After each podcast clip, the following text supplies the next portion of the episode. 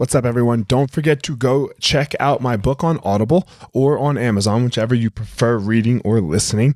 Um, the Gospel of Fire on either platform. I also have a link on my Instagram with 13 questions that are going to help determine what your values are. So, values are such an important part of the why you're doing what you're doing and who are you. So, go grab my book, go check out that link of the 13 questions of determining your values. And here we go with this week's podcast episode.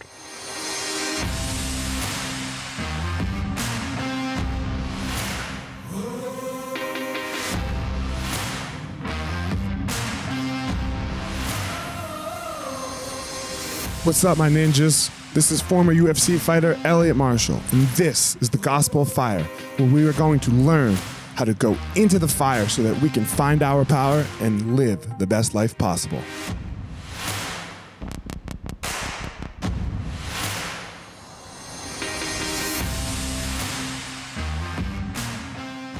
Guys, this episode is with Chad George. Chad is a Brazilian Jiu Jitsu black belt, school and academy owner um, mixed martial arts fighter, retired, fought, uh, you know, back in the day cafe a little bit on Bodog, Bellator, uh, all over the place. And man, um, we met during uh, a stay at the Quarantine Inn. Um, none of you can stay there, sorry, uh, in Las Vegas uh, for a UFC week. And, you know, we, we just, you'll hear it, man. We say the same shit. So I figured who, who better to talk to? So here we go. Chad the Savage George. Chad, what up, man? How are you? I'm good, man. How are you? Good. You're leaving Vegas, yeah? After a successful weekend, I saw. Yeah, my uh, my students came out there and competed. I actually competed as well. I uh, I lost a referee's decision. That you know is what it is. But uh, I'm was you know for me it was more about just getting out there and be on the mats with my guys at the same time and uh, showing them that it's not just about them going out there and I'm out there with them every step of the way it's so much fun, right? Like I love it. Like I, I you know, I love doing that way too. Well, it's the you know it's the first competition that we've been able to do as a team in you know a year and a half mm-hmm. since this pandemic has hit. So uh, it was it's it's always a lot of fun getting out there and competing, and it's cool to be able to get out and and do it after we're turning the corner on this on this crazy time. Yeah. How uh let's back up. You and I met each other. Like, so I've seen you and I, and I think we've like known of each other, right? But we met, I don't know, a couple months ago. Uh, yep. Mark De La Rosa uh, said, Hey, I'm going to go train. Mark and I had training set up. And then he was like, Yo, uh, he told you, you, he was bringing another lightweight. And then, you know, my fat ass walked in the room. yeah. He, um, he hit me up and he, me and Mark have known each other, uh, just through social media and right. him, and we had the opportunity when we were uh, we were stuck in the in the uh, in the house for, for the UFC or in the in the hotel, and uh, yeah, he was like, "Hey, I got a, I got another little guy." I was like, "Cool!" And here comes this this Bigfoot looking Elliot Marshall. Not little, but you train with Josh Barnett, right? So like, I'm nothing compared to Josh Barnett. yeah, you know, I, I, you know what, for me, it's it's I, I love training with all different sizes of guys, and um, you know, especially when it's a guy like you that knows how to roll you know, you're you're a big guy, yes, but you're not like a big guy that's just like massively ego driven where you have to smash every you know uh, small thing that's underneath you man you got I, I, feel like you guys are so much more technical than us as the bigger you know? So like uh it's not about especially you know like that that it comes with time and age right? Like uh just learning like learning when you train. It's almost like a drilling session always for me rather than a training session. Like we're training hard but for me i always want to be like okay i'm going to play with this and whether they're a big guy or small guy or a medium sized guy i'm like okay let me see what they do and like try to play with their game rather than stop their game. Yeah and that comes with time right? And it also comes with the way your approach is as well right?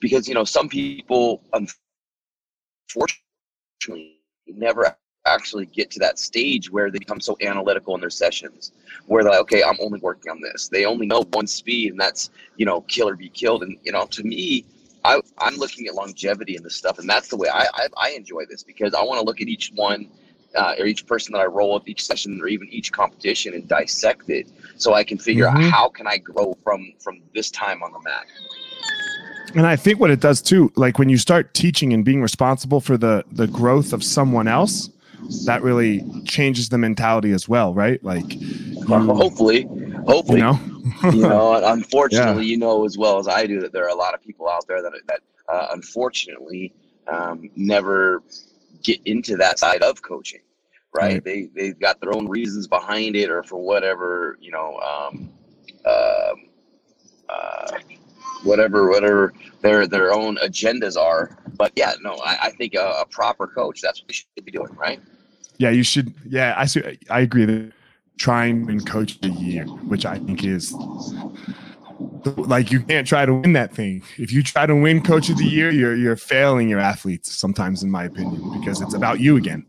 That, that's exactly it. You know, um, I, I realized that when I decided that I wanted to start coaching, it was no longer about me because when you are a competitor and when you're a fighter, it's the most selfish thing on the planet because it has to be about you. Everything is about you. But if you're going to become a coach and if you want to be a good coach, you have to realize that your time on that realistically is, is more or less done in that realm. It's going to change. You could still achieve things and you can still uh, aspire to it, but it's no longer about you. It has to be about the people that you're you're uh, that you're working with and that you want to mentor and take under your your lead. Where did this journey of martial arts begin for you? You know, like it's uh it's been a long journey for you. So what what what was your what what got you into it in the first place? So ironically, when I was a kid, I started with Taekwondo, and um, that has no relevance to anything. the reason why I say that is because I started when I was like six or seven, and I absolutely hated it. Okay. It was one of those things where it was like, you know, I, I, was this little kid. My mom, and my dad put me in taekwondo, and I, man, I hated it. I it was like this is this is I want to play baseball. Like, get me out of this stupid gi, or and you know, or kimono. Come on, right? Yeah, and so I think I did it for a year or two, and then uh, I got into wrestling about two years after that, and I fell in love with wrestling. Wrestling was my first love when it comes to uh, martial arts, and I do see wrestling as a martial art. I agree. And um, uh, it, it, really started to build my confidence uh, because I was a very, uh, I was a very small, bullied kid for most of my life, and wrestling gave me that outlet. Uh, I wrestled through junior high, high school, then I wrestled in college, and then I left Sacramento to pursue art and film school, and I was looking, I was making a lot of bad decisions in college, and I uh, was looking for a wrestling program just to get back in shape. And this is when the colleges had pulled the funding from all the programs, and there was no wrestling programs anywhere.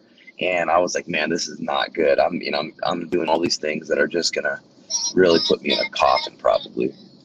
And a buddy of mine I worked on a, a film project with said, hey, this is what back in 2003, 2004. So this is we're talking before you know it started really taking off.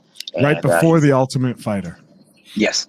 Yep. And um, I remember him saying, "Hey, you know, it's not wrestling, but um, I, I go to this jiu-jitsu school." And it's like wrestling. If you want to come give it a try, I'm like, nah, I've seen that stuff. It looks a little silly, and I'm having flashbacks of being in that kimono when I was a kid. And um, I'm like, nah, I don't want to do it. And so then he finally convinced me, and I went and did it. And it happened to be a nogi night, and the main instructor didn't show up.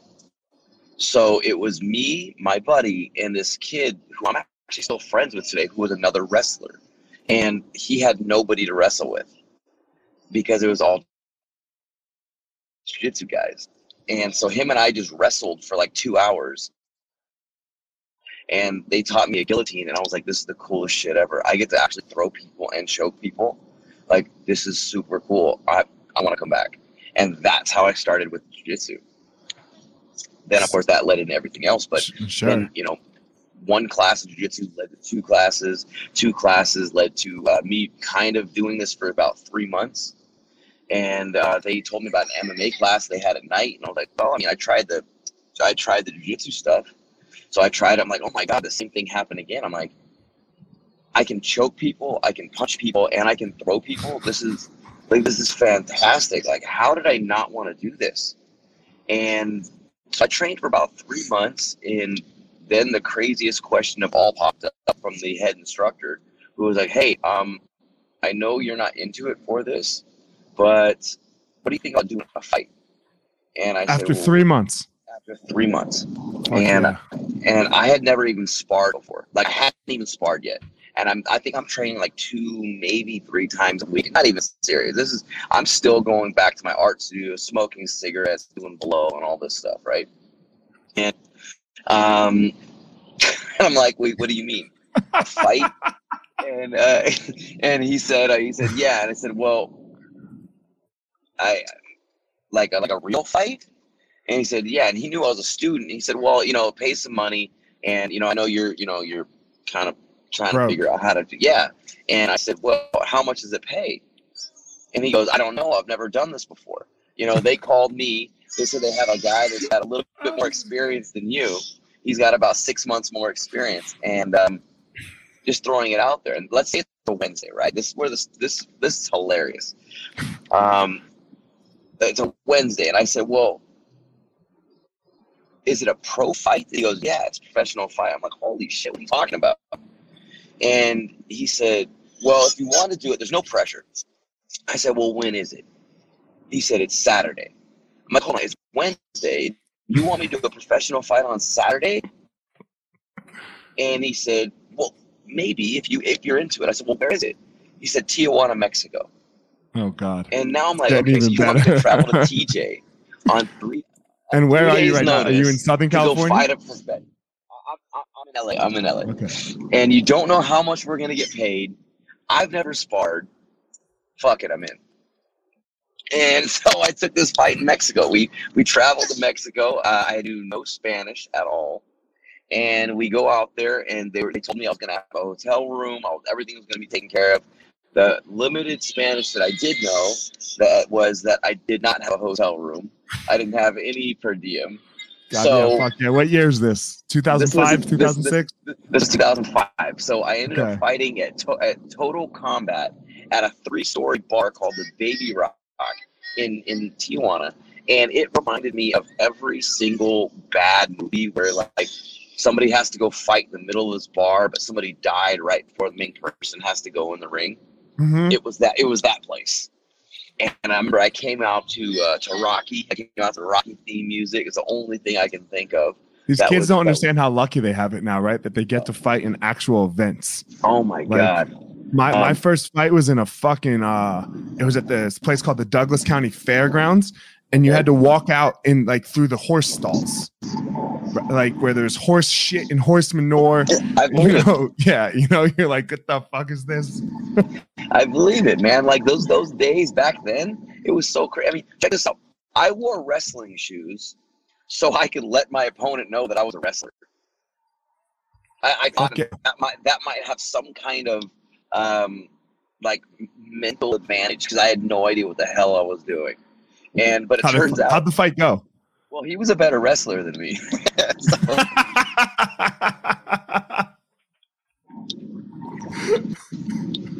oh shit. so um so so that, that that didn't work in my favor um i got suplexed twice over my head he was a like a good wrestler um Yeah. i remember I threw a push kick uh, after the first round i didn't know how to kick at all and he suplexed me over the head. And i remember my corner he goes do not throw any more kicks. And i was like no problem. Third round starts i come straight out with another push kick.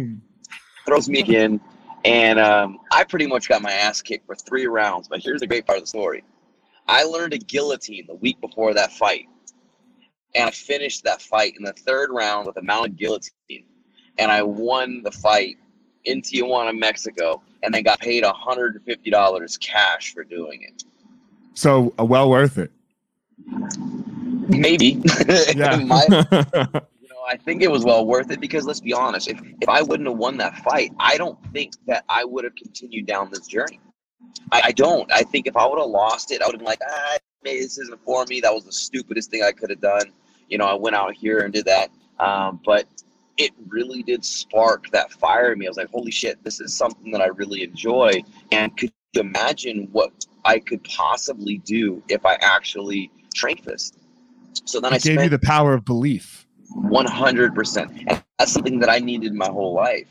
And uh, you know, I I struggled with confidence for for most of my life, even in my adult years. You know, from being bullied as, as a kid to always being told I wasn't good enough. So that was like the first time that I really had that moment of being like, I can do something for myself. And fighting, I realized like I was so afraid to fight. I mean, I was terrified. I was backstage, and I have a very bad memory. You know, I, I do believe that I now I I can look back and I know I, I suffer some for some um, some you know some CTE and some damage from right. over the years, but there's certain things that do stick out, and that's one of them. I remember being so afraid backstage that I was screaming at the wall to get myself ready to go in there, and I had no idea what the hell I was doing, but yet I still forced myself to do it, and that's what I realized that that's what it means to overcome fear. It's not about not being afraid. It's not backing down to the fear. And that was just a catalyst for everything that was to come for the next, you know, 17 years. We have such a similar story, right? Because, you know, when it, on once you go down this journey of fighting, once you and once you realize you're doing it, the goal is champion, right? Like the goal is to be the champion, to be the best in the world. No one and and I think that needs to be the goal on everyone's outset. If your goal is not champion this shit, you won't put the work in to to get all the the side benefit that comes later when most likely you don't become the champion. Right. Right. Because because that's going to be for so few and far between the the champion. But goddamn, the gift that's the gift that fighting gave me, I I, I don't I all I can do is try to repay it right? Like the lessons 100. that I learned. Yep. I mean, you're you're spot on. You know, you you. It's funny because you get into this and you want to be the best. You want to be the best because every day you have to wake up, and if you're not trying to be the best, you're going to get hurt in there. Like mm-hmm. that's just the truth of it. And and the chance of you actually becoming champion now, there are so many other variables. It's like there's there's there's a bit of luck. There's the marketing side of it. There's so many other things, and it's funny for me when I realized that my pursuit of being the best in the world no longer meant that I had to go out there and prove it, that's when I knew it was time for me to start looking for other other options. Not meaning that I didn't want to be the best in the world, because of course I do. Every time I watch the UFC, every time I watch Bellator or ONE FC, it doesn't matter. I watch these guys and I'm like, I can beat that guy. Like, and I talk to my wife and I'm like, man, like maybe I should put in some phone calls and put in some work. And but I realized that what I needed for me is to know that I could be the best.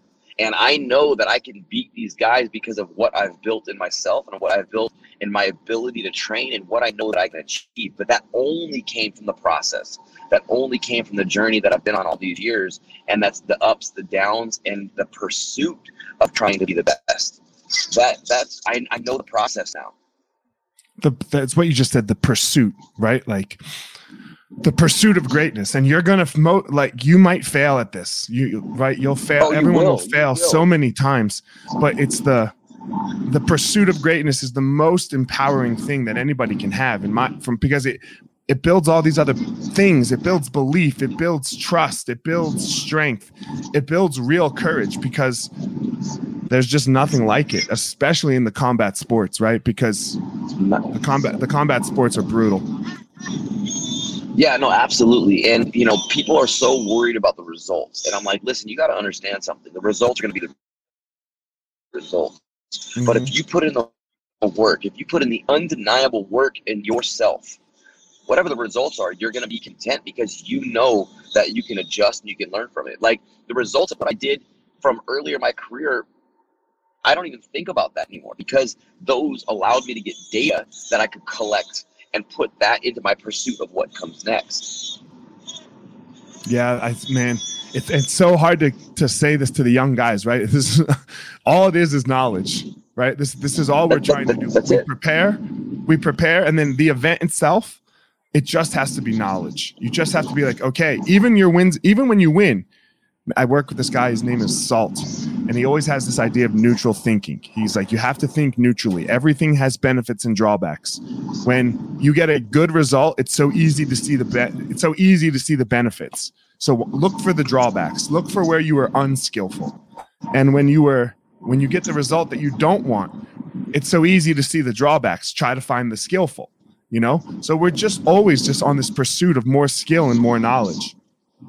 Yeah, 100%. You know, my, my guys always laugh at it because they always know that right when I step into the ring with them, once they've won, yes, I'm happy for them, but like mm-hmm. I'm always so analytical that I'm breaking down the fight with them in the ring. I'm like, hey, look, that was good, but X, Y, Z, we need to remove that because that's when it's fresh. I need to make sure I articulate the data immediately, and then we're gonna go back and analyze it. Yeah. When did you? What was it like for you? Like as you were moving through the career, right? Like, so we, we talked about that first fight. What what what happened after that? So you you got the spark, right? Uh, like you drank the full cup of Kool Aid, or did or, or was it not a cup? Like still no, it was. I, I, I, was still sipping on it. Like okay, I was I was sipping on the Kool Aid. I was sipping on some whatever else that was can, can get me fucked up on the weekends. Uh, I was sipping on it. So there was a stage where I was, um, you know, I'd done a bunch of fights. I, I was, um, I was pretty much the main guy in Southern California or in LA, anyways. That was headlining the first shows. I was on the very first uh, sanctioned California event when it because it was still illegal here when uh, when I started. Right. And then we started set, we started selling out the Santa Monica Civic Center, and I was riding this kind of high of being the guy, but I wasn't putting in the work to be the guy, and I knew that and you know it showed you know i was i had a couple opportunities. I got signed to a big promotion back back then which was uh, you'll you'll remember this called bodog fight. Yeah bodog. and, and so so bodog man that was that was an amazing show because that was my first taste of what it felt like for somebody to be really taken care of at an event. And so that was cool. I got to travel to vancouver. I was fighting in um, uh, in Vegas, but my career wasn't a career yet. This was me being a guy that just kind of good timing, and I was fighting all over the place. And my record was five and four. You know, nothing special. I had fought some good guys. I'd fought some not so good guys, and you know, there wasn't the research accessible like we have now on your phone. It was like, you want to go fight this guy? Cool, go do it. You know, my weight class didn't exist. 135, 145, like 155. Just take whatever I could. Mm-hmm. And there came to a point where I was, like I said, I was five and four and this is where I decided, okay, it's time to drink Kool Aid. Um, I was falling out of love. I was a professional artist, so I had an art studio. I was coming out of uh, art school, and I was I, I wasn't into it anymore, and I was really falling in love with this fighting thing. And I said, okay, you know what I'm going to do? I need to make a big decision. Um, I'm either going to keep pursuing art, or I'm going to pursue this fighting thing that I have no idea how I'm going to make it work. But for some reason, I feel some kind of way about it. And I made the decision and I said, you know what, I'm going to do it. So I gave up my art studio. I moved into my car and I decided to say, you know, I'm in, I'm all in. I'm going to get, I'm going to dedicate everything to this. And and if it doesn't work, I can always go back to art one fight, two fight, three fight. I went ended up going on a uh, six fight win streak. I, I started really just getting obsessed with this, and then I got signed to the WEC. I became one of the first bantamweights um, in in the, in the you know it's considered the big show then. Then the WEC became the UFC, and that's when you know this everything just started clicking to me, and the the the, the passion of the process became what I started obsessing on and when I devoted myself to this journey, the process came everything from the moment I woke up to the moment I go to bed. And it's still with me today. I have my journals that I write in all the time, even my old ones that I, I, I review the way I used to write then compared to how I am now. And I just analyze everything, you know. And I know it gets annoying sometimes to the people around me, but this is what I've had to do to figure out who I am. And now I understand my process God, what you, that was amazing, right? Just the end. But you know, like the, everyone's story is, is like and how they got to this is, is always cool to hear. But just the process, because life is just a process. There's no figured it out. Like I know that this thing that I do and this thing that you do works for you when it works for me. And I and you share it with the world. Right? You you share it. Like I don't know that I'm right. Do you know that you're right? Hell no, I, I just talked about it the other day. I was like, you know, I make a lot of mistakes. But my my my glory is that I'm willing to take the chances to make those mistakes. The mis- and the mistakes don't fuck with who you are as a human. No, I mean they fuck with you. Don't get me wrong. Like you, you make a big mistake that fucks with you. But you have a choice, right? You have a choice on how it messes with you. Do you let it break you down, or do you let do you let it be a reason that you learn from it and you grow? And that becomes a complete choice. Now, if you ever hear me coaching my athletes, there's one thing that I, you will always hear me say in the corner when I'm yelling out, "Hey, it's time to make a choice," because it is. You can either sit there and wait, or you decide what happens. And at the end of the day, it's a choice. Everything's a choice.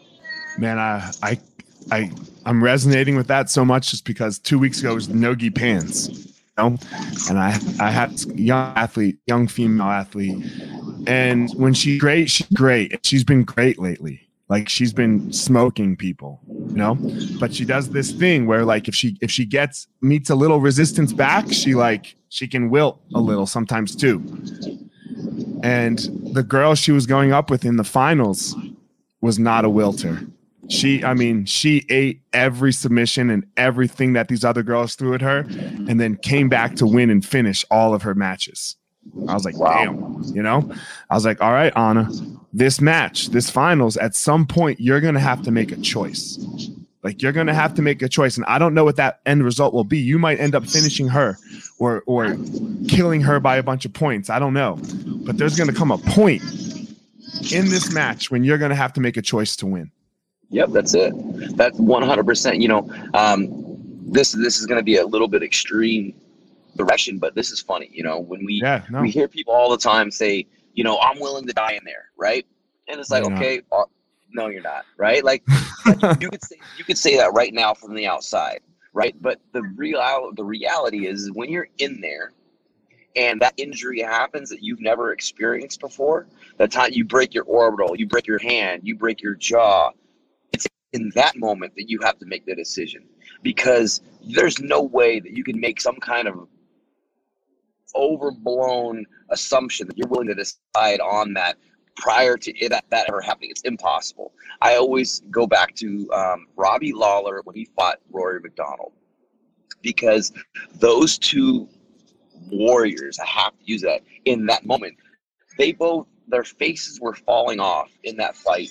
And instead of going into the corners in the last round, they stood in the middle of the ring to let the other person know I'm not going anywhere. And that was a decision on both of them that they needed to make for themselves. Because there is no training, there's no book, there's no mentor, nothing that you can try to prepare for that that's going to give you the strength or courage to stand in that moment other than the moment. And look, they've the not been the say, "Oh, same willing since." to die in there tomorrow." No, you're not. Like Yeah. I know, absolutely, absolutely. They've. Not been the of same them, right? since. But they, Neither one of them. they, nope, nope. And you know, but my my reason for bringing that up is yes, they they they both were changed because of that, but they also were forced to dig the depths that they didn't even know they had, and that's Mhm. what where that moment came from. And yes, they both changed from that, but that's because once you go that deep, it's impossible for you not to change. And it's scary as fuck. Terrifying. Right? It's scary as Terrifying. fuck. Can you imagine going into that like on on the surface level? Because obviously, you know, we we we're, we're talking about the choices. You have one of the one of the world's toughest athletes and fighters standing in front of you with his face hanging off, looking at you saying, "I'm here for another five minutes." That is terrifying. You have to be willing to dig down deep and go.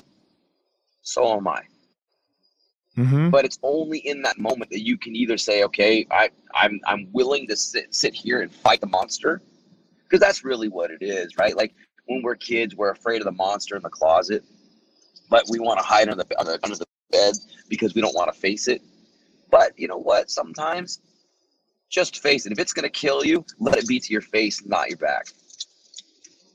that was that was gold, bro. Holy shit. Let it be to your face and not your back. Fuck yeah. This is what, man. I love talking to people because you get these little things. I'm gonna go steal that. I'm using that shit tomorrow. that, you know, I'm I'm using it today when I co- like let it be to your face and not your back. Right, because it's true, right? Like, because Yeah. like, if, listen, if you're gonna kill me, at least let me see it happen. Like, if this is my last moment of glory, I'm gonna stand here and make sure that at least I get to watch it happen. Mm-hmm.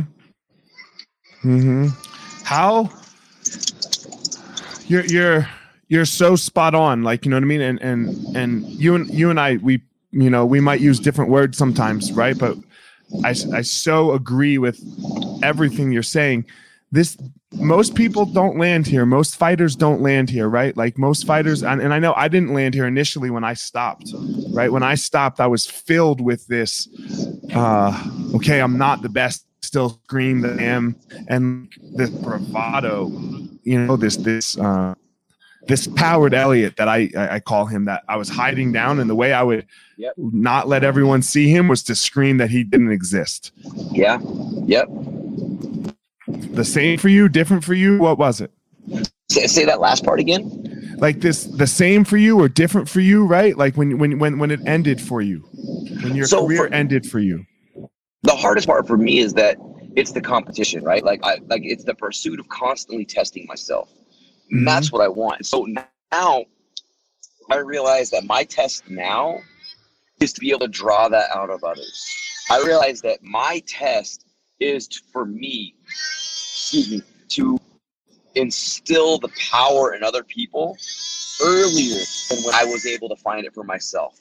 Because that's what it is. You know, I'm, I'm approaching 40 years old now you know and i wish i had this head on my shoulder when i started my career. I wish i had this understanding of the pursuit earlier in my timeline. And now i have an opportunity to relive that through each one of my athletes. And Mhm. to be honest i say with my athletes but let me go a step further. I'm going to say with every single person i have a chance to interact with. That's really what it is. If i can help each person that i come in contact with just see something better about themselves or the day, then I'm doing my job because I was the scared kid. I was the kid that didn't think much of himself. I was the kid that always gave other people credit. And now I realize that I needed that so I can become what I am today. And it's because of that that I know that I can connect with every single person and what they're going through. We have different struggles, yes. But what connects us is that we both have struggles and we can get through that as long as we have that power of belief in ourselves and the people around us. this is what connects the everyone in the whole world in my opinion and, and where the problem is that so many people are screaming the opposite they're, they're trying to talk about how different we are and the truth is that we're the fucking same all of us we're the same because Yeah. we all have this struggle and if we can realize that everyone has a struggle then we can just help each other with the struggle Yeah. ra- rather than be like mine's worse than yours or yours is worse than mine and now look there's going to be times when yeah for sure somebody's is going to be worse and we got to help them like with, without a doubt right and and mine's not that bad right now let's say but but fuck we all know what the struggle's like Oh, for sure. And and that's that's absolutely like where where we we can uh, 100% connect, right? Like, and that's the problem with social media now, right? Everybody posts their cars, they post these things of this life that's not even genuine, and we lose track of what that word even means, being genuine, right? Like. Like I know I did. I, I used to I used to want all the flash and all these things, and I realized like that shit doesn't even matter. Like what matters to me now is the experiences that I can have with with the people around me and that I can share with others. That's what matters to me now. Now, that might not be what other people want. Maybe, you know, maybe you're into the flash. Well, that's cool. That's your thing. But that's not what I vibe with anymore. And for me, I realize that the more I vibe with connection, I, I seem I, I get almost more powerful. And and that's the way I feel because I feel it from other people and it's like a, it's like a, it's like a it's um it's a frequency that just keeps getting louder. i can't yeah you can't explain it like i, I don't know how to put words to it and look i'm, I'm not to say like i like i like a nice car i like to drive a nice car but god forbid i'm going to take a picture of it Right. Yeah. you Yeah. know like you know i do take a picture of it my whenever we buy new cars in my whole family ever since i was a little kid my mom always wanted a picture in front of the car, right? So I, I take a picture from my mom and I send it to my mom, and then I hit delete. Like it doesn't go on my social media. Yeah, no, I Right, when like- I I bought her a recent car, I didn't do that either. I mean, for me, yes, I do like to have you know a little bit of nice things, and my wife always gives me shit because when we travel, I I'm a little bougie at times, and I Oh, I'm like to stay bougie in as nice fuck. places. I'm You bougie know, as and- fuck. Oh yeah. Uh-uh. you know, but you know, you know, I- listen. At the end of the day, I've worked my ass off so I can actually do those things for us. And if I if it, if, if it's something that's going to give us like a peace of mind, then I'm going to do it. But I'm not going to sit here and make that be about what my life is. You know, I well, you're not showing it to other people. That's the thing, No, right? Good for good for all of us. Yeah, you know, like I want I want everybody to be able to eat well. I want everybody Mm-hmm. to be able to be comfortable. Uh, You know what I mean? Like, but you you have to want that for you. Mm-hmm. Mm-hmm. I can't do it for you. No, you know, I can I can help you use the things that I've learned, but you be able to implement it into into your life. And if you know if the data works for you, cool. Let it be for me. Let it be from you. Let it be for somebody else. But take that information and apply it to you. You know, one of the things that I realized, and this is probably one one of the most um, impactful things that that help influence me, is that I look at athletes and I look at business and I look at all these people and I look at the commonalities that all the elites have. And you start picking those pieces, you're like, holy shit, they all think the same. They all have the same patterns. They all have the same reasons for doing things. And I'm like, I have that too. Oh my God. So yeah, I'm on the right track. And then you start following that and you're like, wow, this is this is pretty amazing. The number one thing they have, what you said, is one, they have belief, uh, and two, they have a process. They have That's- a process of how they do their day. They don't let their day happen to them, right? No. It's not like, oh, squirrel, squirrel, squirrel. They happen to the day, you know, and that's such an important piece of this whole success thing, in my opinion, is my day does n- will never happen to me. you know and you know you and i talked a little bit about this i think it's a it's kind of a cool time to bring it up you know the process we are coming out of this pandemic right? And Mhm. every single one of us that are gym owners and uh, business owners we have had to try to do this for the last year and a half without a process. We've had no books no mentors nobody to ask what to do. We have literally had to develop this day by day and create a process no matter how long you've been in business just to survive this thing. And that is trialing on everybody. You know we discussed this when we were when we were um, in the hotel. We're like yeah. you know how much business have you lost? Oh i'm losing this. But you know trying to stay motivated through that man that is tough. But you have to believe in your process and that's what's going to get you through that because it is very easy very easy to get sucked in to the depression and just say fuck it i quit It's so hard. It's such a slip. Like one, and once you slip, man, it's so hard to get back. You know, it's so hard to get back because, and I don't, and I don't even want to act like I don't understand because it's, it's tough, right? It's tough. It's it's super tough. How did you how did you stay out of it?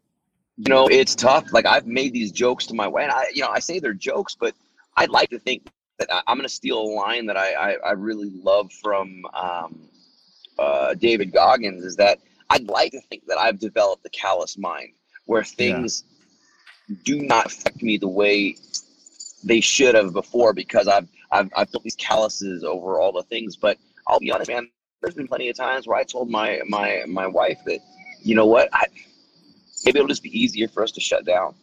And I realize that if I'm at the stage and I'm having these thoughts, I cannot do that because the people that have not developed that thick of skin yet, they're going to see that and be like, well, if he's not able to do it, I'm fucked.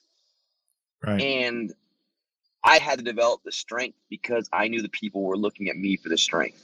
And that is what allowed me to just keep firing and keep going and not giving into the bullshit because I realize it's bigger than me. It's bigger than just what I'm doing. It, it really does impact everybody around me.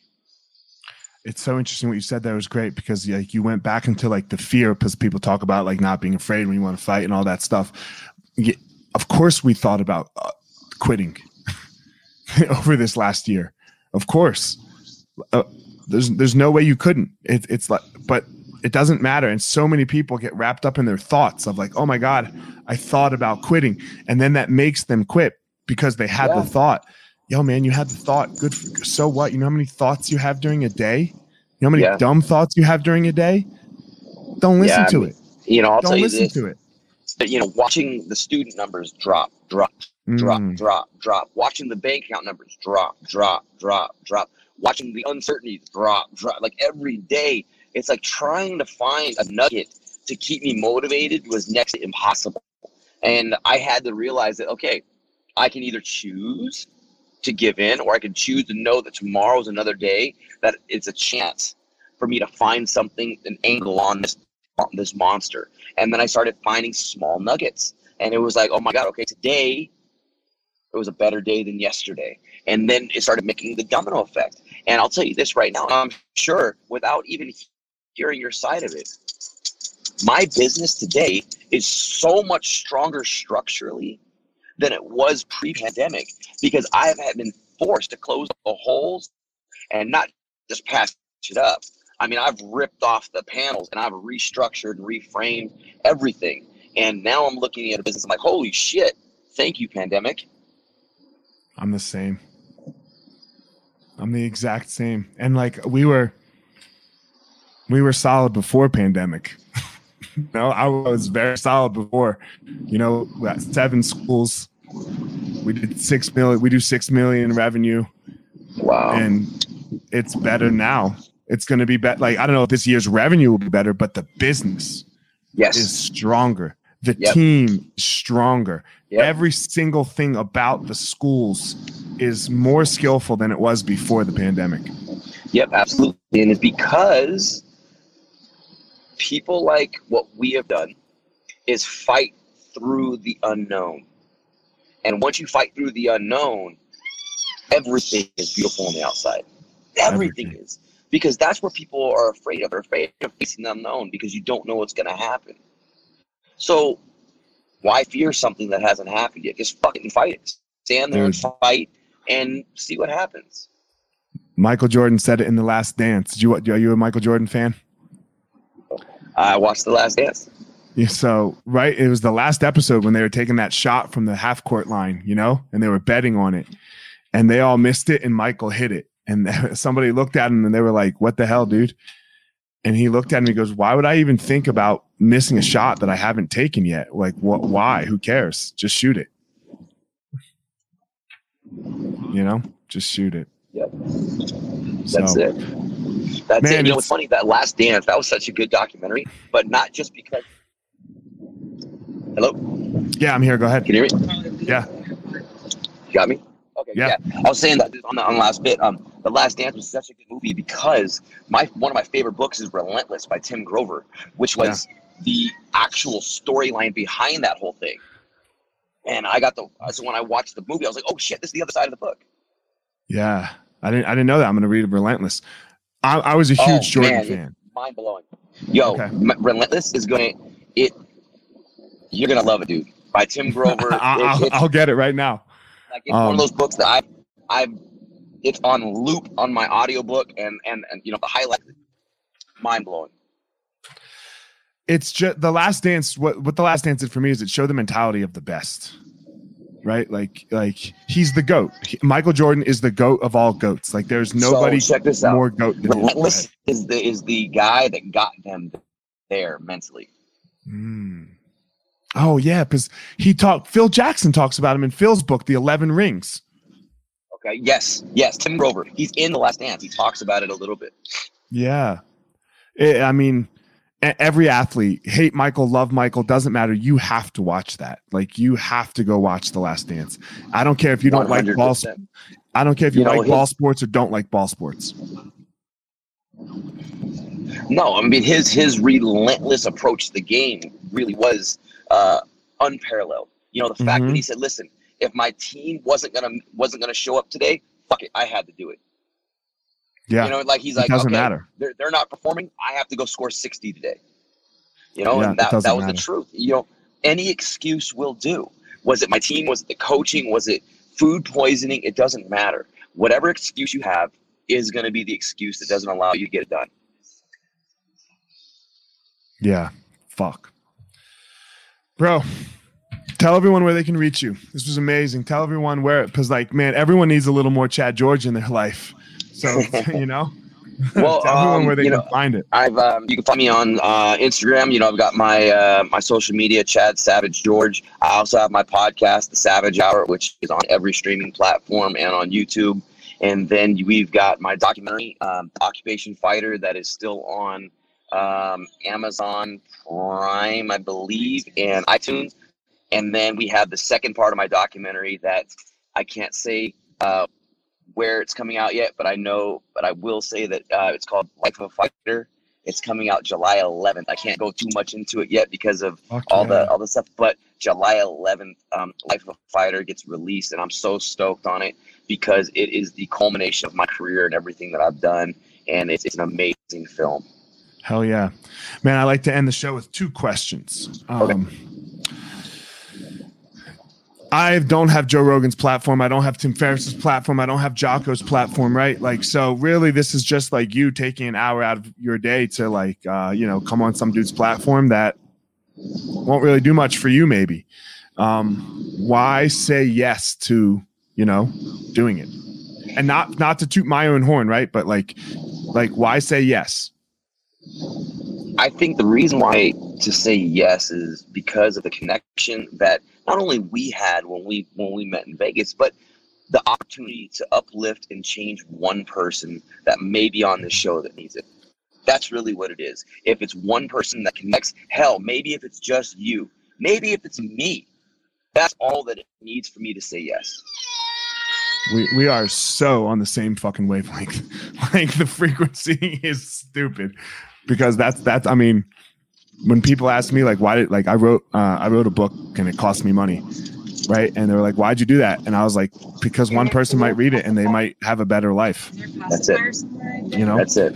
um That's it. last question. I believe everyone has a power. Every single person in this world has a superpower. It doesn't make them necessarily money. It doesn't make them famous but it makes them go out in the world and do amazing. What's your superpower? This is this is gonna sound very simple, but my superpower really is simple. Is that to convince people that if I can do it, so can you. We are all connected. We are all the same. Nobody is importantly special over the next person. And if I can do it, so can you, and we can do this shit together.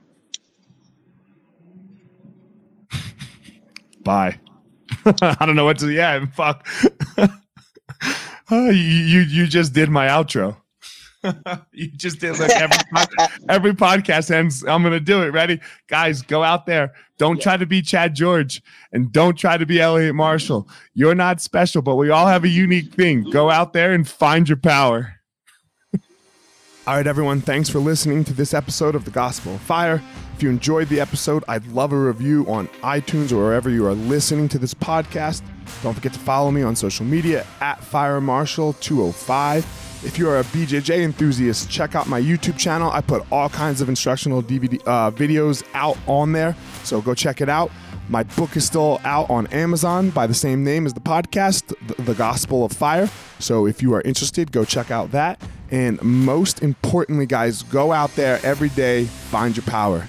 Thanks a lot.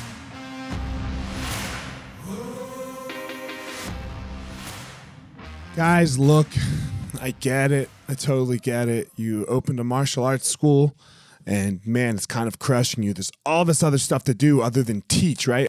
You love teaching. You love jujitsu. You love Muay Thai. You love karate. Whatever it is you're you're teaching. And man, but there's all this other stuff. There's there's the front desk. There's there's taxes. There's curriculum. There's cleaning. There's there's problems, staffing, covering. Whew, man, it's so much. It's so much. Well, let me tell you, uh, we have started what's called Easton Online, and Easton Online is here to solve all of these problems for you. Easton Online is a digital academy for martial arts school owners and managers. Will help you establish or enhance your business with best practices. Most importantly, we're to help you get back to what it is that you love most teaching and doing martial arts. Okay, so for more information, guys, go to easton.online. Again, that's easton.online.